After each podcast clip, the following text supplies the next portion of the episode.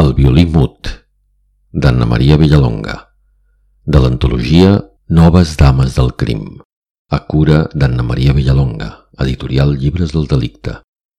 Veu Miquel Llobera, de En veu alta, enveualta.cat. No pot apartar la vista del grafiti de la paret. Fa estona que és allà, immòbil, amb la mirada fixa. El grafiti és horrorós, erràtics gargots informes de color gris carbó. Però no és per això que el mira. Simplement no pot deixar de fer-ho. S'ha quedat penjat, com un ordinador vell carregat de virus.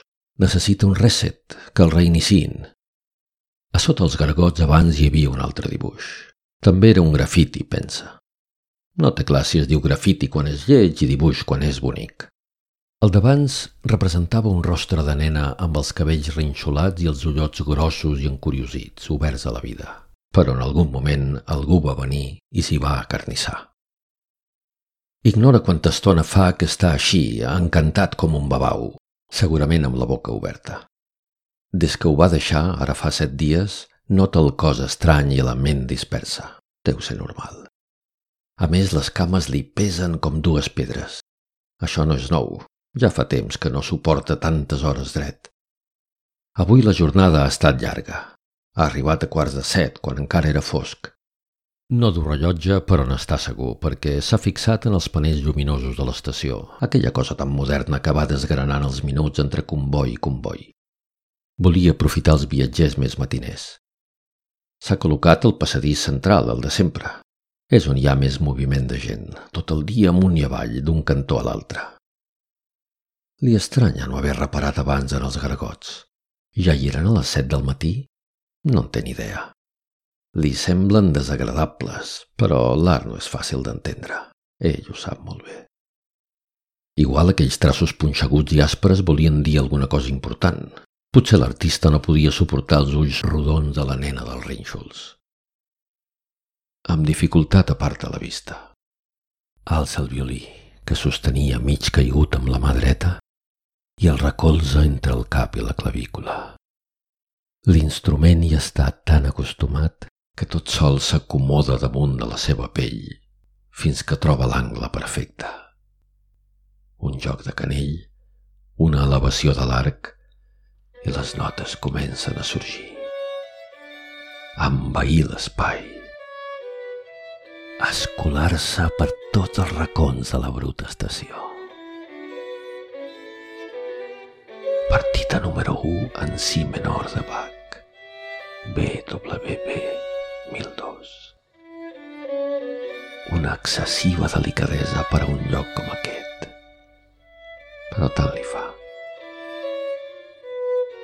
Abaixa els ulls cap a la funda del violí, exposada amb el ventre obert sobre les rajoles llardoses. Li sembla més vella i atrotinada que mai. Al fons hi llueixen unes quantes monedes, però no les compta. Ja ho farà després. Ara està tocant. Amb els ulls clucs es deixa bressolar per l'encís de la música. Fa set dies, set dies exactes que no pren ni una gota i la música que sembla renovar-se dins seu amb una nitidesa punyent, oblidada. L'arc és com un ancoratge entre els seus dits, el far que el guia. Respira fondo, lentament. Vol creure que encara hi haurà un punt d'esperança. Cop i volta alguna cosa l'obliga a detenir-se. No ha clos la peça, però la seva fina oïda l'ha fet prendre consciència del desacostumat silenci. Quan Bach emmudeix, no hi ha res més. Ni el murmuri de la gent que transita pels passadissos ni el brugit de les màquines de renovació d'aire, ni tan sols el sotrac dels metros trontollant en la distància. Res. Només una calma freda i antinatural que el neguiteja una mica. Es rasca els ulls cansats intentant no posar-se nerviós. Amb una llambregada atenta, aclocant les parpelles per veure-hi millor, Recorre el corredor. Una, dues vegades. Espera que en qualsevol moment hi aparegui algú. Però passen uns minuts que se li fan eterns i no hi distingeix cap activitat, cap senyal de vida. Es pregunta què ha passat. Es mira el canell buscant el rellotge i fa un gest de disgust. Havia oblidat que ja no el té. Que a hores d'ara està entaforat enmig del bigarrat aparador d'una casa d'empenyorament. Torna a esguardar al voltant, però res no ha canviat. Només se sent el silenci. Inquiet es fica les monedes a la butxaca i des el violí dins la funda. Després, sense perdre un minut, comença a caminar. Avança pel passadís directe a les andanes, cada cop més de pressa, com si alguna força estranya l'empenyés a córrer. Coneix perfectament l'espai, però li sembla descobrir per primera vegada que totes les parets sense transició estan plenes de grafiti. Pintures malgirbades, grises, repetides, una al costat de l'altra, una al costat de l'altra. Mentre camina amb una acceleració que el fa esbufegar, les imatges se succeeixen a esquerra i a dreta, cada volta més ràpides, com els fotogrames d'una pel·lícula protagonitzada per garagots incomprensibles i amenaçadors que han adquirit vida pròpia i el persegueixen. Amb el cor a la boca arriba l'andana. Intenta recuperar la respiració. Gira el cap enrere, cap al camí que acaba de deixar, a veure què fan els gargots. Sembla que ara no es belluguen. A l'estació no hi ha cap metro aturat ni cap viatger esperant. No s'hi veu ningú. Cap rastre de moviment. On són tots? On són? No pot saber l'hora perquè els panells lluminosos estan apagats com si s'haguessin fos. També els fluorescents del sostre han baixat d'intensitat. No arriba cap anunci pels altaveus, ni d'averies, ni d'incidències, ni d'avisos contra carteristes. Res. Només aquell sobtat i aixordador silenci. Durant uns instants es manté quiet, alerta, amb les orelles parades. Res, li sembla comprendre que s'ha quedat tancat dins l'estació, però no se'n sap avenir. Com és possible que hagi perdut la noció del temps fins al punt de no adonar-se que es feia de nit i tothom marxava? Li ve una imatge de si mateix contemplant el grafiti amb cara de burro. Quant de temps hi ha estat? Hores? La ment li falla i el cos també. Està fluix i distret. Fa set dies que ho ha deixat, set dies. Deu ser per això que es troba així. Decideix tirar cap a la sortida. Guanyar el carrer es converteix en la seva màxima prioritat. S'encamina a la porta més propera, que té a pocs metres. L'accés a l'exterior ben fermat per una enorme reixa pintada d'un color verd fosc una mica esvaït. Amb esforç trepa gambades per les immòbils escales mecàniques, que s'han transformat en un giny inútil i ert. Deixa el violí a terra i s'agafa la reixa com un presoner a la garjola tot intentant entrellocar l'exterior per l'espai entre els barrots. És ben fosc, gairebé negra nit. No veu ningú pels voltants de la boca de metro. Hi ha poca llum allà dalt i té els ulls molt cansats. S'asseuen a un graó de les escales mecàniques. Les ranures de ferro se li claven al cul. No pot quedar-se allà dins. No es troba bé, està molt nerviós. Li vindrà la claustrofòbia, com quan agafa un ascensor massa ple. No li agrada la sensació de saber que està tancat. El millor serà cridar. Si crida, algú del carrer el sentirà i podrà avisar un guàrdia urbà o un responsable del metro. El trauran d'allà, sí, seguríssim. No hi dona més voltes i comença a picar. Amb les mans colpeja les reixes, però el so resulta massa opac i esmorteït. Així no arregla res, no el sentirà ningú. S'escura les butxaques i acaba traient la seva única clau, la contempla amb fàstic. És la clau que obre la cofurna insalubre on sobreviu des que tot se'n va anar a la merda. Des que la puta beguda el va atrapar amb les seves urpes i el va deixar nu. Nu de la dona, del fill, del lloc de primer violí a l'orquestra més prestigiosa de la ciutat. És una clau ridícula, diminuta i rovellada, però farà més soroll que les mans. Atabalat, la frega i la refrega contra la reixa, però el resultat només representa una tènua remor metàl·lica enmig de la nit. De sobte, gairebé sense plantejar-s'ho, es posa a cridar. Enganxat als barrots, fa un clam amb veu forta, demanant ajuda. Estic tancat! Sóc aquí, si us plau! Que vingui algú! Estic atrapat! Aquí! Aquí, al metro! M'he quedat tancat! Si us plau, si us plau, que algú m'ajudi! Passa una llarga estona i no ve ningú. La parada pertany a un barri perifèric, no ho havia pensat. De dia hi ha molt d'enrenou per les fàbriques que la rodegen, però de nit no hi passa gaire gent, no és un lloc cèntric i transitat. Ho intenta uns minuts més. Brama i refrega frenèticament la clau contra la reixa amb una ànsia creixent que li puja com una onada del pit a la gola. M'he quedat tancat, si us plau, si us plau! Ja no sap què fer. Desanimat, tira enrere i torna a l'andana. Amb passes petites s'acosta a la vora i s'aboca damunt les vies. Les vies són l'única cosa que lluen aquella estació pudenta. I no perquè les netegin, és clar. És pel pas dels convois. Es mantenen brillants pel simple frec, pel constant i repetit contacte. Intenta descobrir-hi algun tipus de vibració. Sap que és molt tard, però es consola pensant que si els raïls vibren, potser encara no haurà passat el darrer metro.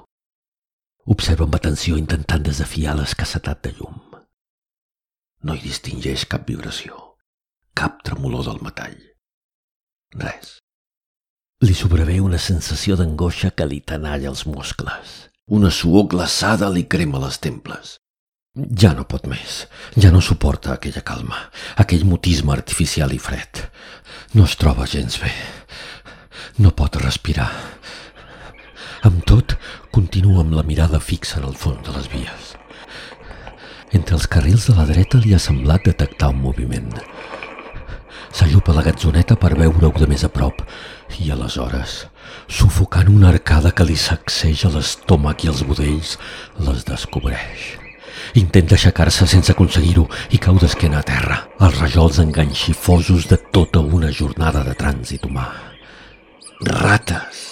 Allò que ha vist són rates, bèsties que es fan les mestresses del metro quan les persones ja no hi són, les habitants nocturnes dels raïls i les vies. Rates enormes, de cua llarga, negres com la capa de la mort. Rates peludes i grasses, rebotides amb els residus putrefactes de la gran ciutat. Rates agressives que ensenyen les dents. Rates contaminades que encomanen la malaltia i la brutor. No les suporta, les odia, des de petit li produeixen una fòbia descontrolada, irracional. Sent com el pànic li puja des dels dits dels peus. Les cames li tremolen, però s'alça i arrenca a córrer esperitat passadís endins, topant amb les parets, arrossegant al seu darrere l'estoig del violí que gairebé li cau de les mans. Ha perdut la lucidesa, el seny. S'ha convertit en un animal embogit en una cursa contra el terror en una estació buida. Panteixant follament s'interna en un corredor, el més lluny possible de les andanes. Jamega, les rates no poden sortir de les vies, oi? Sí, sí, sí que poden. Grimpen per tot arreu les rates. Sí que poden. Continua corrent. Els gregots apareixen de nou com sorgits de les tenebres, disposats a perseguir-lo. Li fan ràbia i besar-la. Són lletjos, molt lletjos. No sap cap on tirar. Camina amunt i avall sense parar, indefens com una criatura. Com ha pogut arribar a aquest extrem? Abans era un home respectable, un músic de renom, un pare de família. La beguda, la maleïda beguda. Vostè està malalt, li havia dit un especialista. Mirarem de curar-lo. Però no li va fer cas. Era massa orgullós, massa autosuficient. Un triomfador. Una amargor de fel li regira les vísceres. Un triomfador. Tot se'n va anar a la merda. Ara ja no té res. Només el vell violí i aquell cau fastigós on malviu quan no és allà sota intentant esgarrapar quatre monedes d'uns viatgers apressats que no entenen de música. Prova de respirar profundament. Al cap i la fi fa set dies que no veu. Set dies sencers, del primer a l'últim. Ho va decidir quan, de casualitat, va divisar el seu fill, unes setmanes enrere, agafant el metro. Com havia crescut! S'havia fet un home. L'emoció el va trasbalsar, però no es va moure. No li podia dir res amb aquella fila, amb aquell aspecte de rodamont sense futur. Va ser llavors quan va comprendre que ho havia de deixar. Només així podria presentar-se davant del noi, amb el cap alt i la mirada neta. Pensant en ell, en aquell jove polit i agradable que va descobrir pujant al metro, recupera una certa calma. Només té dues solucions. Passar les hores en un racó tot esperant que es faci clar o provar novament de cridar l'atenció d'algú. La primera no el convenç. No pot suportar la idea de compartir l'espai amb les rates. I si escalen les parets i el venen a trobar? Les rates ataquen, mosseguen, són animals ferotges. No, no, no, no pot, no pot. Ha de marxar d'allà. No aguantarà més temps tancat. Necessita sortir a l'aire lliure, respirar directament l'alè de la nit. Tremolós, enganxat a la paret per allunyar-se de la via, s'encamina cap a la porta de sortida. Puja les escales mecàniques sense l'ímpetu d'abans. Se sent exhaust, desolat. Ja no té força. Deixa el violí als seus peus i s'arrapa les reixes per fer una ullada. Sisplau, sisplau, crida. Estic aquí, tancat dins del metro. Em sent algú? I aleshores, tot travessant el carrer, apareixen aquells dos. S'hi acosten amb curiositat i s'aturen a l'altre cantó de la reixa. Gairebé la toquen. La llum escarrancida d'una farola els hi cau al damunt. Li semblen adolescents de l'última lleva o, o joves de la primera volada, no ho sap ben bé. Un és enorme i gras, l'altre pèl roig. Duen caçadores fosques, pantalons estrets, botes negres i els cabells extremadament curts, quasi rapats al zero. Riuen com si fossin hienes mentre les guarden de fit a fit amb els ulls envidriats. Tantinegen una mica d'esquerra a dreta. M'he quedat atrapat aquí. Em podeu ajudar? Aquells dos tornen a riure. Es foten cops a l'espatlla l'un a l'altre. Mira quin tio, tu! Un homeless! S'ha quedat tancat al metro. que imbècil! Respira fondo, amb desconfiança. Segur que aquells dos van borratxos o drogats. No li agraden gens, però no hi ha ningú més. Ara mateix són la seva única esperança. Si us plau, podeu avisar la policia o la Guàrdia Urbana? No aguanto més tancat aquí. Feu-me aquest favor, si us plau. Aquells dos callen i es miren. Ell els observa millor i li ve una esgarrifança. Li fan por. Decideix recular, però abans d'aconseguir-ho, el gras ja l'ha engrapat pels dits amb què encara s'agafa les reixes. La policia, dius? Com a càmera lenta, veu que el pèl roig consulta el gras amb la mirada. Sense emetre cap so, aquest fa que sí amb el cap. El pèl roig també assenteix i amb una calma deliberada fica la mà a la butxaca interior de la caçadora. Com si sorgís del no-res, el tall d'un ganivet amb mànec de nacre es retalla lluent en la impenetrable oscuritat. Amb un somriure de dents blanques, el pèl roig el branda amunt i avall. Ella es revolta, xiscla, no acaba d'entendre què passa, però el gras li tenalla els dits amb violència, els hi retorça. Ell intenta deslliurar-se com una fera acorralada. Brama embogit. Llança al vent uns esgarips aguts que li surten del fons de les entranyes. De cop aconsegueix alliberar una mà.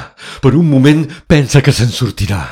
Però quan el braç del pèl roig amb el ganivet que reverbera sota la farola es projecta cap a ell, el seu salt enrere ja resulta completament inútil. El tallant ha penetrat fins al fons d'una sola estocada al centre del seu pit.